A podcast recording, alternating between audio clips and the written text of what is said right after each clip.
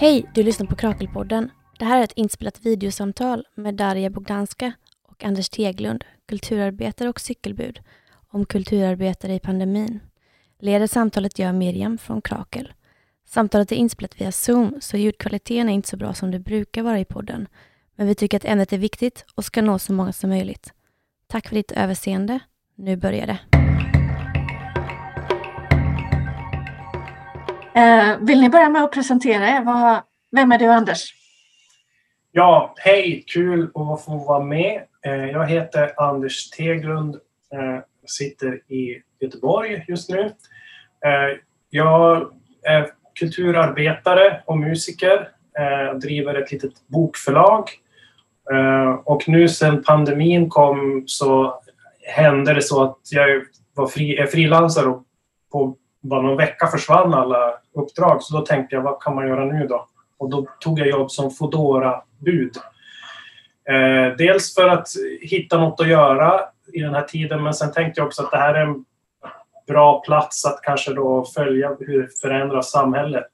Eh, eh, och det, så det undersöker jag också lite grann och jobbar fortfarande med, med det och det, liksom ska göra det ett tag till. Liksom. Så att eh, en, en, blandning som det kan vara med vissa kulturarbetare. Att man, jag, har, jag får lön från fyra olika håll och inte lön från fyra olika håll. Sådär, som det kan vara. Ja, vi mm. kommer ju att prata mer om det sen. Ja. Men först, vill du presentera dig? Ja, jag heter Darja Bogdanska och Gud, nu Anders när du sa jag är detta och gör detta, det blev så svårt. Jag också eh, gör massa saker och jag är känd mest som serietecknare. Sen så skriver jag lite om arbetsrättsliga frågor. Eh, jag är också frilansare och kulturarbetare. Äh, jobbar med illustrationer och text. Och eh, förutom det så är jag fackligt aktiv men inte på min arbetsplats eh, genom att hjälpa andra att organisera sig, mest migrantarbetare. Eh, och jag är just nu arbetslös som många andra kulturarbetare och det fackliga gör jag på eh, liksom, um, aktivistbasis. Så, ja, så det är kort om mig, men vi kommer in på det lite mer när vi pratar vad, mm. vad vi gör nu. Hur har den här eh, pandemin eh, varit för dig? För mig. Mm. Uh, men det är lite som du säger Anders, att uh, del av min verksamhet är frilans och vissa jobb fanns kvar. Men ganska mycket av det vad jag gjorde är att åka runt och tala och hålla i föreläsningar, vara på olika möten och min bok släpptes i olika länder under de senaste åren och då skulle jag åka på massa turnéer med min bok och allt ställdes in.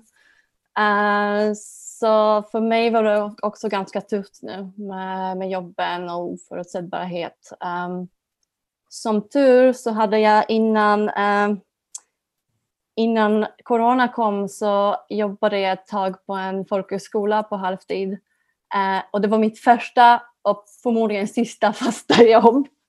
Och då kom jag in till den här lilla uh, um, jag vet inte, jag klarade mig i kraven till a-kassa så jag kunde liksom överleva på det eh, en stund. Um, så jag går på a-kassa nu.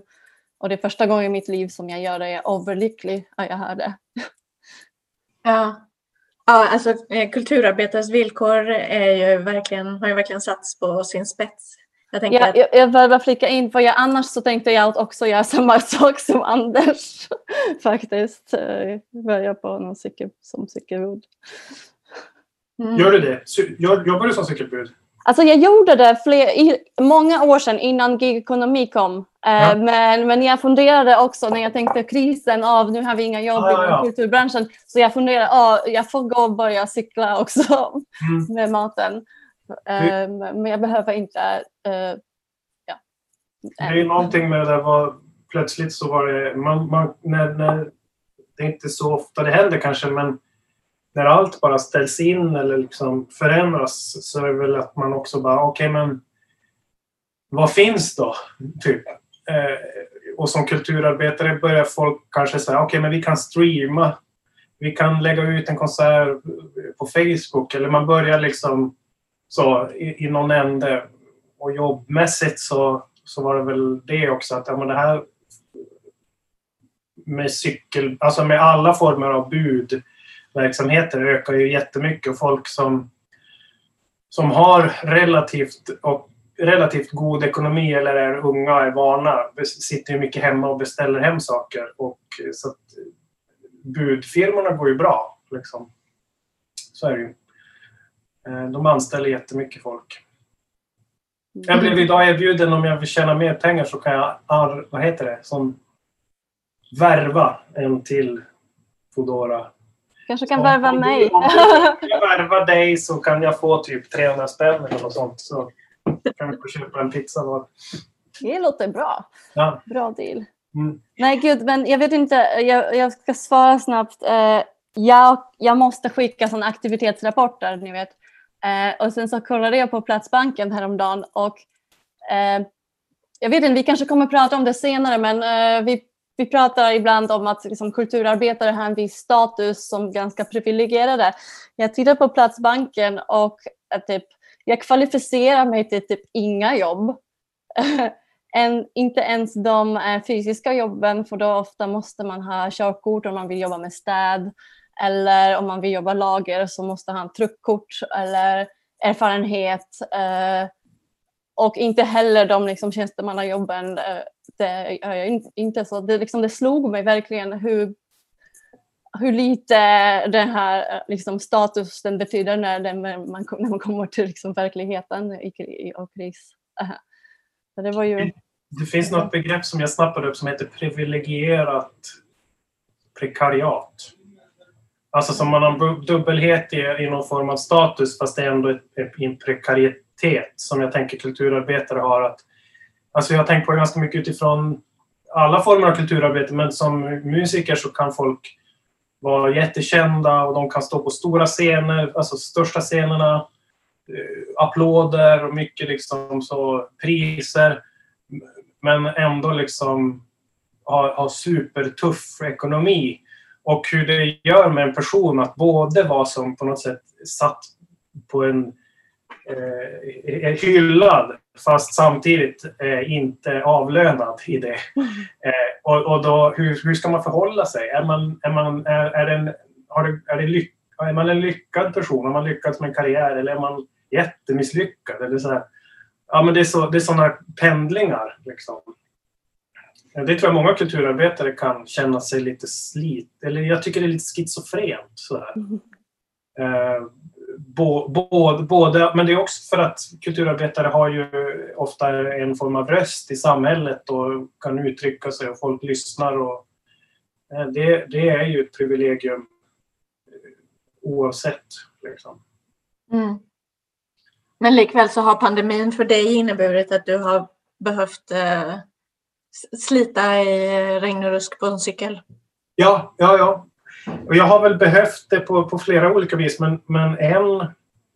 Jag, jag har bara utökat vad jag, vad jag gör, men, men jag har jobbat på cykel, dels för att tjäna lite pengar, men sen så tänker jag också att jag, om jag skriver en text om det, så kan det också bli pengar.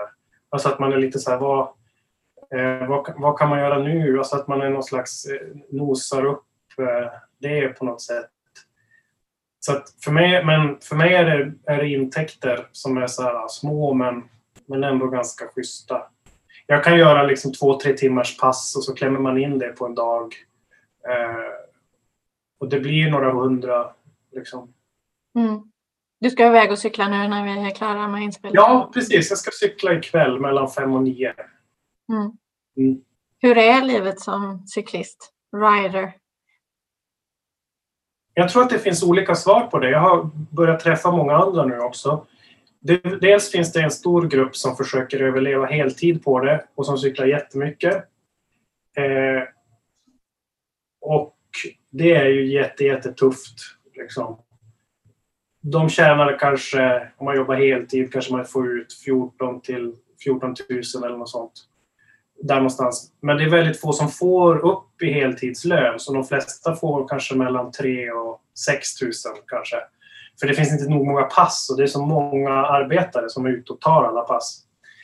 Eh, men utöver det så är det ganska liksom för mig är det i alla fall så att jag är ute och cyklar och, och man är ganska ensam när man cyklar. Eh, och cyklar runt nästan som att man gör en sån, vad heter det, orientering. Så att jag tycker själva uppgiften att cykla är kul eh, och har lärt mig jobbet. Så att jag liksom utför det på något sätt så man kopplar bort hjärnan. Men plötsligt så möts man ju av lite så här um, reality situationer. För det är ganska så, det är ganska, det är så speciellt liksom. Um, eh, alltså man är ju man är anonym, men man är en funktion i, i någon slags jättebrutalt kapitalistisk idé eh, där man bara ska finnas för kundens villkor eller kundens, det är så jättekundorienterat. Eh, och man mäts, alltså de mäter exakt vart man är hela tiden och det vet man om så att man, eh, man, skynd, man mäts ju på sekunden och sånt där. Eh, och det tror jag, det tror jag att alla, eh, ah, jag tror att många som cyklar vet, kan hantera det på olika sätt. Många blir nog också triggade av det, att man lite så gillar att pressa sig. Ehm, ja, sen kan man ju faktiskt säga att alltså, det är jäkla mycket jidder hela tiden med, med själva arbet, arbetet. Alltså det bara ändras hela tiden. Folk, det går sönder grejer, man måste hushålla med sina grejer själv. Eh, Foodora, nu, kan ni, nu, blir ni, nu drar vi ner på skift, nu ökar vi skift. Eh, mycket bråk i chatten om konstiga liksom, situationer som uppstår. Man, man får inte sjukanmälas efter en viss tid. Det är bara så mycket sånt liksom. Jidder och tjafs, typ. Mm. Eh, som bara så pågår. Som är bara ett brus. Alltså det bara smattrar i, i min fodora chatt med arbetsgivaren hela tiden. Och jag försöker väl liksom lyssna med ett halvt öra, men ibland så stänger jag av. Mm. Handlar det, det är också en del av prekariteten, tänker jag. Att det liksom ja. inte det är ingen det är lite som när man har ett kulturprojekt så har man ju också någon slags chatttråd som bara smattrar över att där man jobbar för att få jobba sen. Och mm. lite så är det med, med Foodora att, att själva arbetsprestationen är liksom isolerad. Men utöver det förväntas det att man lägger tid på att få pass, man lägger tid på att serva sin utrustning, köpa sin utrustning, ta reda på hur man gör sitt jobb utanför arbetstid. Eh, och så är det ju som kulturarbetare också, att man måste liksom jobba först, betala först för att sen få jobba betalt. Liksom. Mm.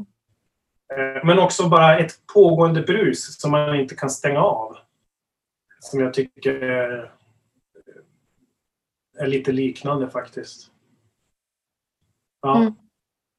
Men eh, jag tänker att det du beskriver också att det, det finns en eh, heterogenitet bland er som cyklar, att det är liksom eh, sådana som du jag vet inte om du träffar på andra kulturarbetare i samma sitt som också har det som ett extra knäck, kanske mm. studenter, mm. men sen det också de som, som är mm. helt, eh, helt eh, beroende av det för sin ekonomi.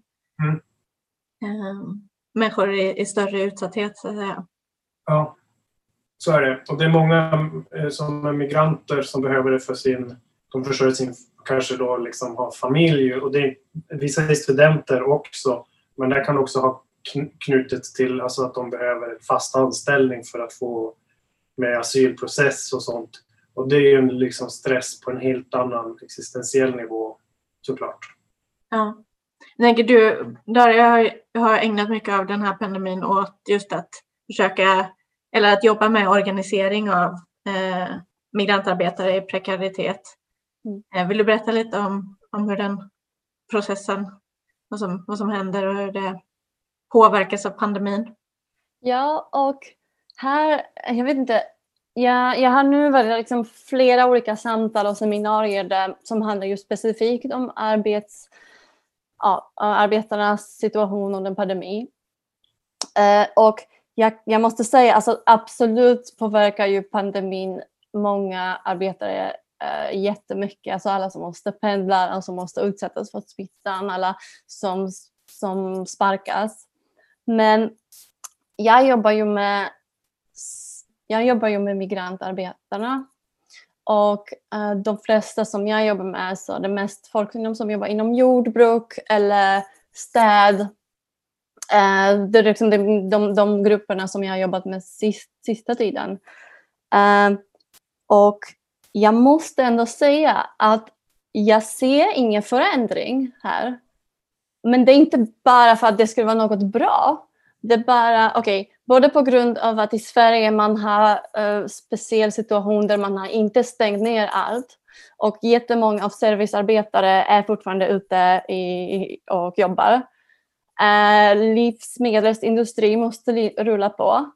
Uh, och, men den här prekariteten, alltså det som är så här, okej, okay, nu under pandemin är kris, eh, alla, du kan, bli du kan få sparken när som helst eh, och vara utan inkomst och kanske de, eh, jag vet inte, kanske företaget stänger. Den här hotet, den finns det hela tiden oavsett corona. Mm. Så jag vet inte om ni förstår mig rätt. Liksom, eh, när jag jobbar med migranter så att ens försöka förbättra sina villkor på minimal nivå. Att ens säga med, att man är med i facket slutar med antingen så, så får man sparken eller med trakasserier eh, som slutar aldrig. Um, och det, liksom den här osäkerheten finns där hela tiden. Uh, så när, med de grupper som jag, jobb, jag jobbar med så när det gäller deras villkor och osäkerhet eller allmänt så det har inte ändrats jättemycket. Uh, det är samma skit. Mm. Uh, för det har redan varit kris innan och det är hur jag brukar formulera det. Liksom. Vi, vi, vissa grupper känner inte av den här krisen så mycket för de har redan varit i kris innan. De måste leva med den här krisen varje dag. Mm. Um, och något som jag har märkt, eh, något som är definitivt nytt under pandemin men inte nytt generellt är ju arbetsgivarnas inställning. För jag, eh, jag hjälper folk organisera men jag är också förha förhandlare så jag hjälper folk förhandla med arbetsgivarna. Så det kan vara i förhandlingar eller rättsliga konflikter och så vidare. Så alla arbetsgivare nu när de uppenbarligen bryter mot regler, har gjort massa fel, ska betala någon skadestånd eller någon utebliven lön, eh, så skyller de att de kan inte på grund av corona. Mm. Och det är så himla vidrigt för att deras verksamheter fortsätter som vanligt. Um, men de använder det här argumentet för att komma undan från ansvaret för ganska grundläggande saker ganska ofta som, jag vet inte, alltså löner, semestersättningar, normal arbetsmiljö, uh, whatever.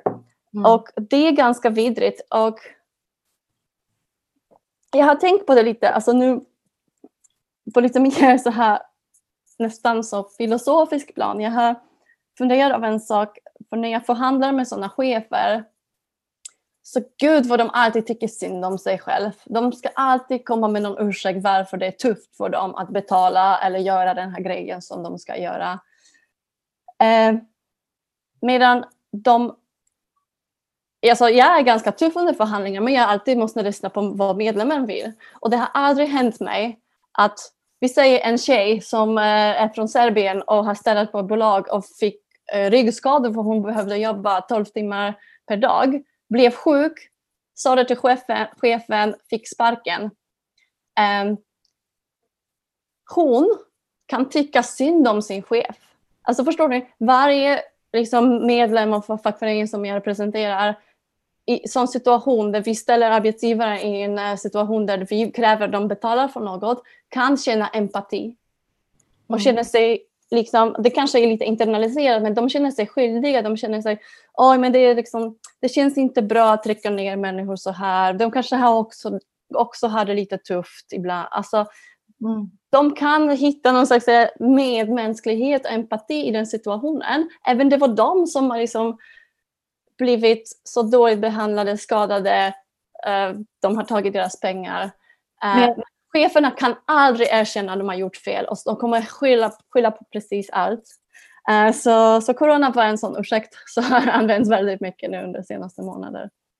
Jag tänker att det handlar också om hur, eh, pandemin politiseras som att så det, det, är tufft för alla, vi är i detta tillsammans och så. Um, men vi är ju det på väldigt olika villkor såklart som du beskriver. Um, och som, du, som ni båda lever också såklart.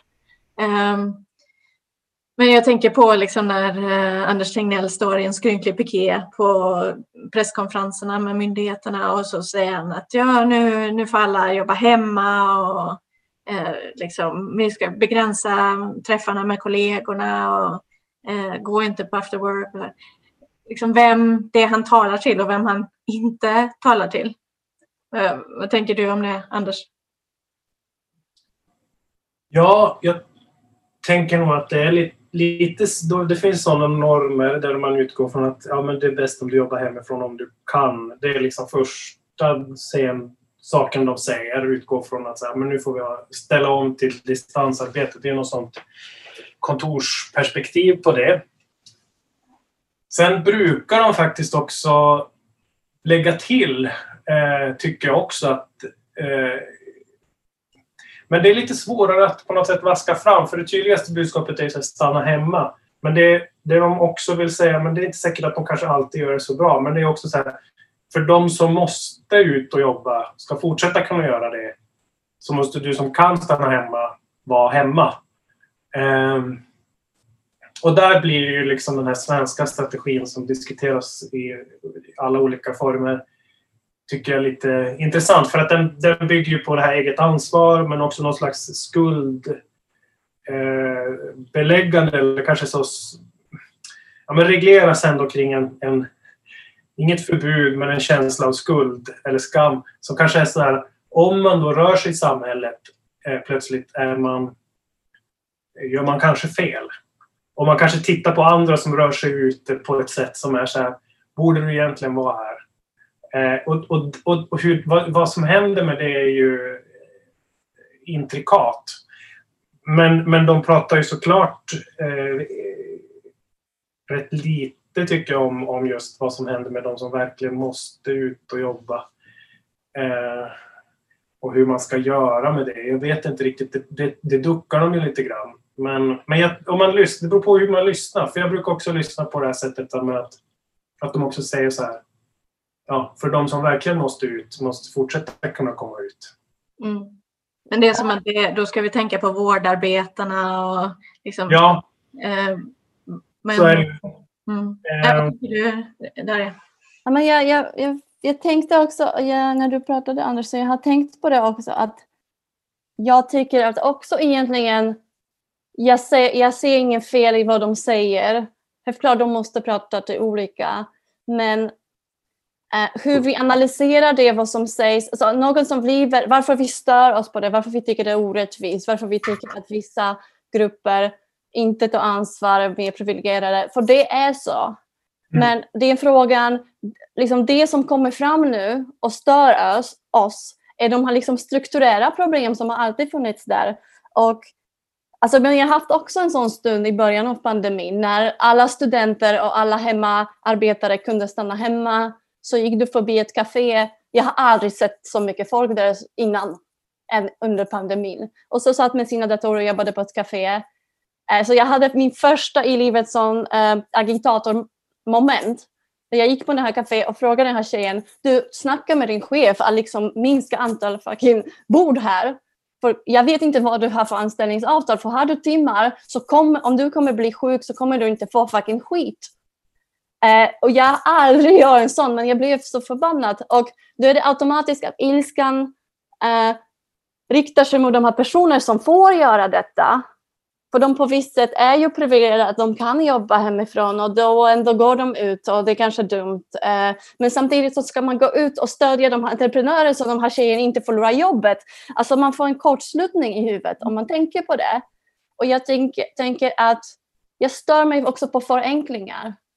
För det är svårt och det är inte bara de här privilegierades fel. Även de är privilegierade, det är faktum. Eh, och det är inte bara regeringens fel, för om de gjorde något annat så kanske mycket mer folk skulle förlora arbete. Men de har gjort massa andra fel. Men det problemet här är att kanske de som jobbar på sådana ställen Uh, har inte de här arbetsmiljöregler uh, och de har inte den makten för att pressa chefen för att tillämpa det. De kanske har de här skitanställningar, uh, timanställningar eller korta anställningar som gör att de kan bli sparkade från en dag till en annan och sen så är Försäkringskassan eller kassan är absolut inte anpassad så de kan få några pengar.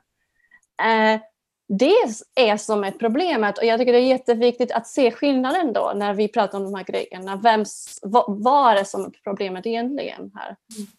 Den grundläggande strukturen, eh, ja. klassamhället på något sätt. Men ja, politik, politik sen innan också. Eh, det börjar bli tydligare här. Mm. Men tycker ni att eh, pandemin liksom eh, förskjuter positioner i klassamhället och kanske också för er som kulturarbetare, lite det du var inne på innan med liksom det här att man är, privilegierad på ett sätt men i det här mm. läget blir ju ni som kulturarbetare också väldigt prekära. Ja, ja men så är det. Det blev, blev blottlagt. Systemet har på något sätt hankat sig fram som en... Man brukar jämföra det med en humla. Så här. Man fattar inte varför, varför den flyger, men den lyckas. Eh, och nu kraschade humlorna. Alltså att det gick för folk att hålla på med kulturarbete. Eh, eh, men det byggde på någon så här lapptäckesvariant av olika saker som sen föll.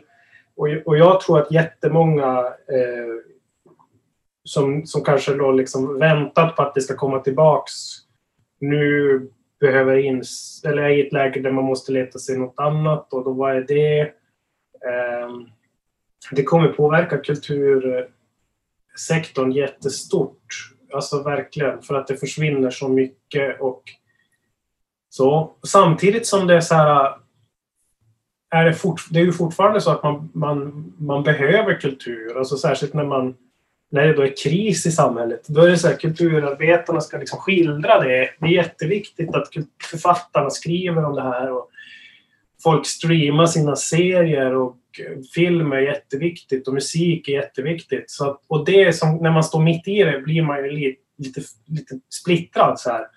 Okej, okay, vad kul. Ja, om man har, gör musik, så vad kul att folk uppskattar det. Eh, å andra sidan så försvinner hela liksom, möjligheten för att fortsätta det. Eh, och hur man ska liksom... Förut har man kunnat balansera det lite lättare. Att så här, ja, ja, men det är kul att ni är så många som uppskattar musiken för att då kan jag komma till er och det kommer rulla på. Så försvann det och då blev det liksom omöjligt, tror jag. Mm. Jag, som... tror, jag, jag, tror, att det som kommer hända är att musik och kulturlivet kommer liksom eh, eh, tappa jättemycket kraft, alltså under kanske fem, fem års tid. Alltså att man bara ja, men det kommer så försvinna så mycket och så kommer det kanske uppstå något på något helt annat sätt. Folk kommer fortfarande uttrycka sig men, men inte, inte så mycket som yrkespersoner utan mer på andra sätt kanske. Mm. Nej, men jag, jag, tänker på en liknelse med liksom så reproduktivt arbete som är helt samhällsbärande och, och nödvändig förutsättning för samhället och, och samtidigt osynliggjort och obetalt. Ja, just det. Det är en väldigt rolig, rolig men så väldigt intressant jämförelse. skulle... Och det, och det som, som man också först sätter åt liksom när det blir... Ja. ja. vad, vad tänkte du där? Men jag tänkte på, nu också lyssna på dig och Anders, och jag tänkte också vara, alltså att vara kulturarbetare och vi pratar lite om det här med privilegium och sånt. Jag måste säga att jag har varit ganska trött på folk och debatten och whatever eh, i den här och vänstern också, speciellt vänster, eh, i, i den här debatten om eh, vad som händer under pandemin med, med arbetarklassen. För att jag har sett att väldigt många inom vänster klagade på olika kulturarbetare som kanske klagar på om, liksom, eh, att vi har ju begränsningar i antal eh, människor som kan befinna sig på en plats. Alltså klubbar stänger som musikkonstnärer, man kan inte företräda. Eh, och, och då kommer vi tillbaka till det här, men okej, okay, men ni är en privilegierad grupp. Varför, lite som du sa, varför pratar vi inte om de som måste gå till jobbet fysiskt, befinna sig på den här platsen, att de har liksom nödvändiga jobb som eh, sjukvård eller matbutiker och jada jada. Uh, jag tycker ibland att det är så himla svartvitt. För det finns ingenting som jag bryr mig mer om än eh, arbetarklassens villkor. Men jag tycker att jag tycker privilegium som ett sätt att analysera liksom, liksom mångfalden av olika strukturer, maktstrukturer, eh, jättenödvändigt. Men privilegium betalar inte räkningar. Stenhård materialist, tyvärr. Eh, och jag tycker att den kan finnas på så många nivåer. Eh, och jag funderar lite på, för jag har sett en inlägg, ni känner kanske till Frances Toroscorpi? Eh, hon eh, skriver ganska mycket om strejk, hon är superhård kvinna som, som eh, är facklig. Och jag beundrar hennes och respekterar henne så himla mycket. Men hon har skrivit en sak som, eh, hon är jättesmart, men hon skriver också att om du får jobba hemifrån så är du inte arbetarklass.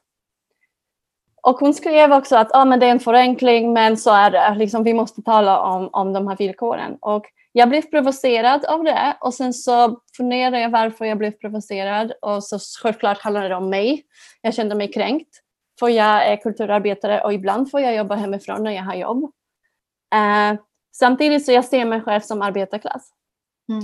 Uh, och här kommer jag till det här som jag tycker vi har lite problem att skilja åt.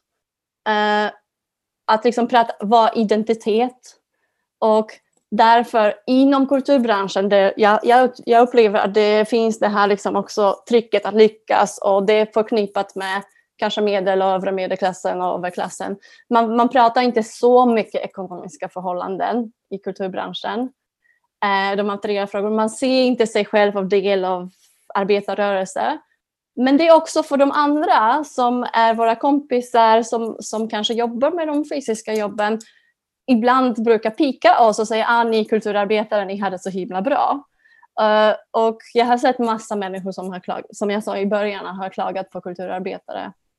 Um, och vi, vi försöker vara smarta, vi försöker förstå våra privilegier så vi sällan uttrycker det att vi hade dåligt.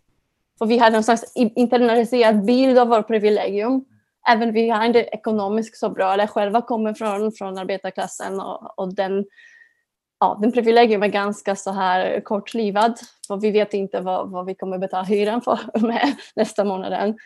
Um, så, så funderar att varför fortfarande kan vi inte lärt oss att prata om de här grejerna? Att du kan vara del av arbetarklassen eller du kan ha samma problem som, som stora delar av arbetarklassen men du kan också vara kulturarbetare. Um, och om jag får återkomma snabbt nu, jag ska inte ta så mycket tid, men jag återkomma till din berättelse Anders om, om du har jobbat som cykelbud. Uh, jag vet inte om många vet, jag har sagt lite kort att jag har jobbat som cykelbud, men jag har jobbat som cykelbud i fem års tid, ehm, uh, mellan jag var typ 18, 19 till 23, 24. Eh, så jag har jobbat dag, varje dag tio timmar i snö, regn. Jag har haft flera cykelolyckor. Jag har inte haft försäkring. Jag har dött nästan flera gånger, blivit överkörd. Och jag har gått inom de här hissarna helt genom blött och, så, och har stört mig på de här blickarna av de här människorna som sitter på sina kontor eller när de osynliggör dig. Och jag har lov, lovat till mig själv att jag ska aldrig jobba så här igen. Och jag hatade det. Jag älskade det på många sätt också. Men det var jättefarligt, jättetufft arbete som har slitit på min kropp och eh, som har satt mig jättemånga risker och som var inte värt det. Mm. Och jag tycker det är liksom löjligt att idealisera arbetarklassen. Alltså, arbetarklassen det handlar om att attrahera intressen för en majoritet av befolkningen. Att det ska handla om identitet och att vi ska nu liksom hålla på eh, sätta oss i olika fack. Alltså, jag försöker göra klassresan men jag kommer aldrig göra det för jag är del av prekariatet. Men nu försöker jag göra något som jag kan faktiskt jobba som kulturarbetare för det var min dröm. Men det gör mig inte mindre till arbetarklassen. Eh, och jag tycker inte jag ska försöka bevisa till någon genom att gå tillbaka till fysiskt arbete för annars kan jag inte uttala mig i de här frågorna. Jag tycker det är liksom löjligt.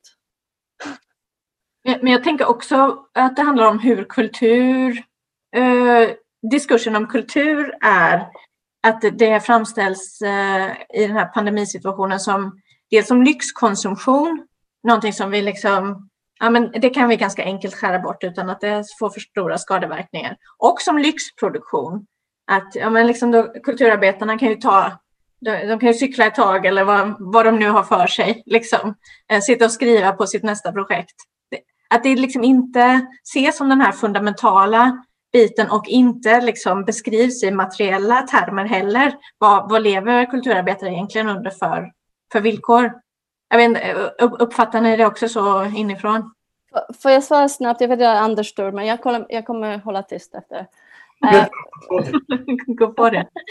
Nej, men okej, okay, nu är det lite långsökt, men jag har hittat lite uh, liknelse mellan det här med cykelbud och kulturarbetare och inte prata om villkoren. När jag kom uh, in och började som cykelbud så uh, var det lite som du säger Anders, en, en ganska bredd av människor. Vissa människor var där för de behöv, måste vara där. Migranter, olika sorter folk som eh, kunde inte jobba med något annat. Men sen fanns det en del människor som kunde gå vidare eller förmodligen skulle gå vidare och kunde sluta när som helst. Eh, och det var också i den här vevan där det började bli lite coolt med cyklar och eh, det fanns en idealisering i media av rollen som cykelbud. Som du, alltså, många köpte det. Många cykelbud uttalade sig i media och svarade på intervjuer och reportage. Typ oh, men jag älskar den här friheten, jag är inte bunden till ett kontor, jag, jag liksom kan flytta mig. Eh. Men var det här? Vilket, vilket, det där har jag tänkt på jättemycket för jag, jag, jag blev väldigt attraherad av det själv. Och, och liksom, ja, men det finns det liksom, vi, den, vi vill ha frihet. Det, det, det, är väldigt lockande, absolut. Det är 2000 till 2000 Ja, men jag, när jag började jobba, typ 2006 började jag jobba. Ja. Som cykelbud. Så mycket då så New York, cykelbud. Eh, ja, precis. Och det skulle vara liksom, ja, de här... Det var innan eh, eh, matcykelbuden kom och sen... Innan. Jag har en rolig anekdot här som jag kommer att berätta sen. Men det var precis innan. Då var, körde vi mest med liksom, dokument och då hade vi inga appar. Då hade vi sådana radios. Ja. Man, man pratade på med hela tiden. Eh, men då var, det, liksom, då var det lite så här att man kritiserade inte arbetet för man, kände, man hade liksom någon slags värde och man, man, man, man, man trodde på den här idealiserade bilden av vad det här arbetet är för oss. Att vi egentligen är fria och vi gör vårt eget val och det är jättebra och det är precis vad vi vill göra och det är en, liksom, att, den här idealiseringen Mm. Eh, och alla omkring ser och liksom kanske lite avundsjuka. Vi är så fria och rör på oss och vi har så snygga kroppar. Vi är så tränade hela mm. tiden. Och sen innebar det den, den liksom, eh, hårda, de hårda villkor som du beskrev innan med liksom, att du höll på att dö flera gånger. Så. Ja. Anders, vad... Eh, men, men, jag bara avsluta tanken, för det är precis vad jag menar med, med vad som händer med också kulturarbetarna. Självklart helt annan sak. Men kultur, så många kulturarbetare är ju superprekära, superosäkra villkor och superekonomisk instabilitet. Men vi fortfarande tror på den här bilden och andra tror och vi bara upprätthåller den att det är så himla dolce vita liksom. så det, det var min liknelse. En bra liknelse. Mm. Ja, nej, men vad tänker du Anders om den eh, eh, om den eh, bilden liksom av kultur som, som, som lyx eh, som, som en del av den här liksom, pandemiska situationen. Ja, jag ska försöka svara på det. Um, nej, men jag, jag, jag tror att, att ur, ur en sån allmän kulturarbetarposition Eh, så tror jag att man känner sig väldigt ehm, eh, vad ska man säga, nästan förolämpad från samhällets sida. Att eh, ja, men så här, hur, hur, hur, hur man och ens eh, omgivning har lagt sitt liv i något som man har uppfattat var viktigt. Eh, och fått uppskattning för det och kanske också gått med på sådana här arbetsvillkor och uppmanats att starta egen firma och fått lite så, ja men så, det, det här är en bana. Det finns utbildningar som utbildar folk till kulturarbetare, universitet och så vidare. Och så sen så eh, får man på något sätt ett, man, man går omkring och är lite osäker så här, men är det här min bana? Ska, är, kommer det funka? Och så kommer det som ett kvitto som är så här, nej men det var inte värt något. Eh, det är värt jätte, jättelite. Eh, mycket mindre än du trodde. Eh, så stanna hemma nu. Eh, sök de här bidragen. Hoppas på det bästa. Och så sen så blir det bara som ett... ett alltså det, det blir som en, att gå in i nästan en vägg som man liksom försökt undvika hela livet. Och då tror jag att det är att, att kulturen ändå bara ska fortsätta hela tiden känns också nästan som en ytterligare en skymf. Sådär, Jaha, vad trevligt att det finns musik på Spotify och vad trevligt att Netflix pumpar ur sig nya serier. Och hur har de kommit till verket? Och vad trevligt att det finns böcker eh, eh, och, och så vidare. Och där tror jag att man kanske bara känner så här, nej men eh, men det blir liksom en sån, men lite som där ibland så kan ju det är kanske mycket mer viktigare aspekt, men att när de i vården fick så applåder från um, balkongerna. Alltså jag tycker det är en sån hemsk, eh, som, som tydlig gest, men det är också en ganska hemsk sociala medier-grej. Alltså vad är det ens? Men, men sådana där applåder för att man gör så bra jobb. Och, och så är ju ganska mycket villkoret för en kulturarbetare. Att man bara här, man får applåder hela tiden. Och i, i på något sätt i, i, i tal bli uppskattad och gester och sånt. Och så sen så får man aldrig liksom betala, man kan inte betala hyran. Så vad ska man göra? Man, man, man tackar för applåderna. Liksom. Mm. Eh, och så vet man inte hur man ska rikta den här övriga frustrationen. Men där tror jag att nu många checkar ut liksom, under det här året. Men jag måste liksom... Ja, du, du måste gå nu. Nu är det verkligen så här eh, eh, kulturarbetarnas materiella villkor sätter stopp för det här samtalet. Ja, det får vara lite det. Jag eh, måste jäkta mig vidare. Men det var, det var, ja, det var jättetrevligt. Man kan ju prata hur många timmar som helst såklart. Ja. Ja, men, eh, tack, så, tack så hemskt mycket till er båda. Det var eh, för ett jättefint samtal som, som sagt var. Eh, vi, vi har bara börjat dra i några trådar. Ja.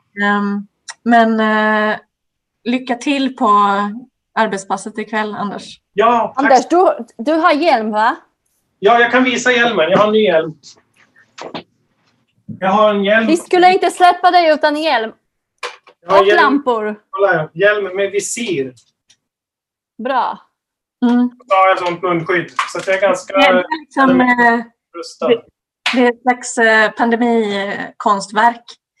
Cykelhjälm med visir. Ja, Nej, don't go there. Som en sån kravallpolis. Men jag, jag är, på tal om det med, den där idén Daria, som du sa om hur cykelbud var så häftigt för 15 år sedan.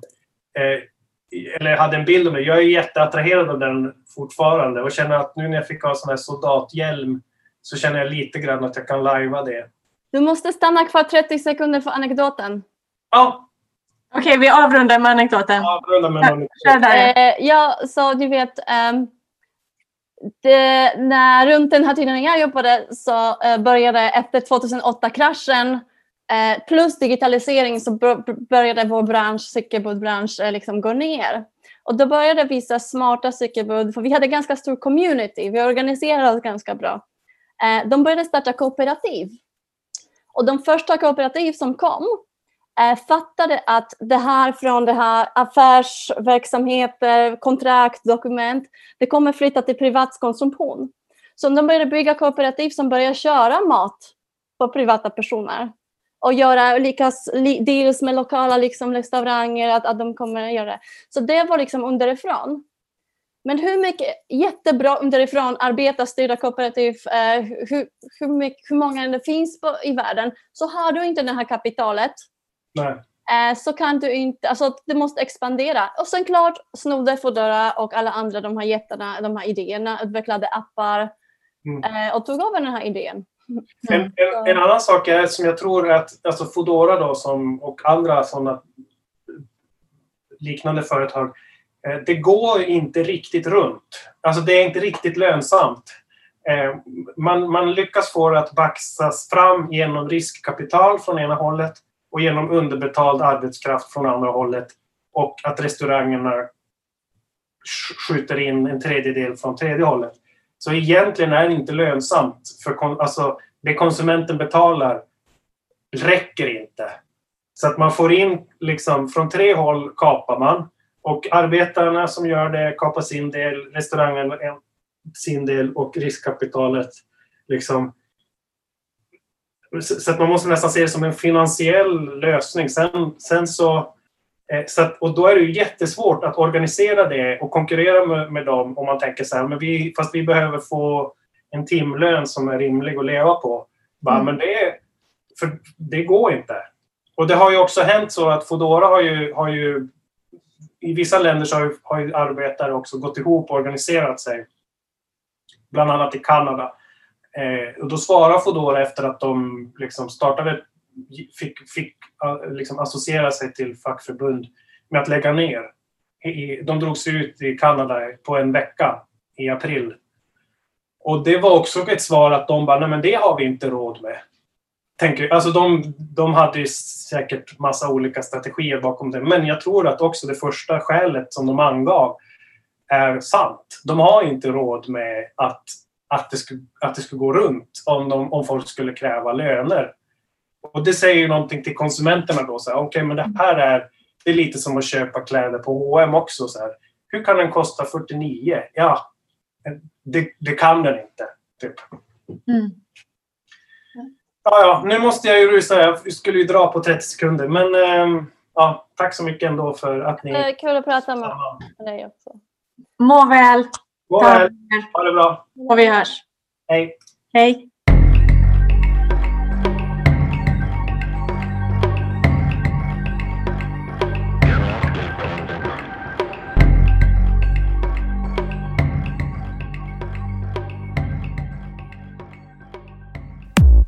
Du har lyssnat på en podcast som görs i samarbete med ABF Malmö.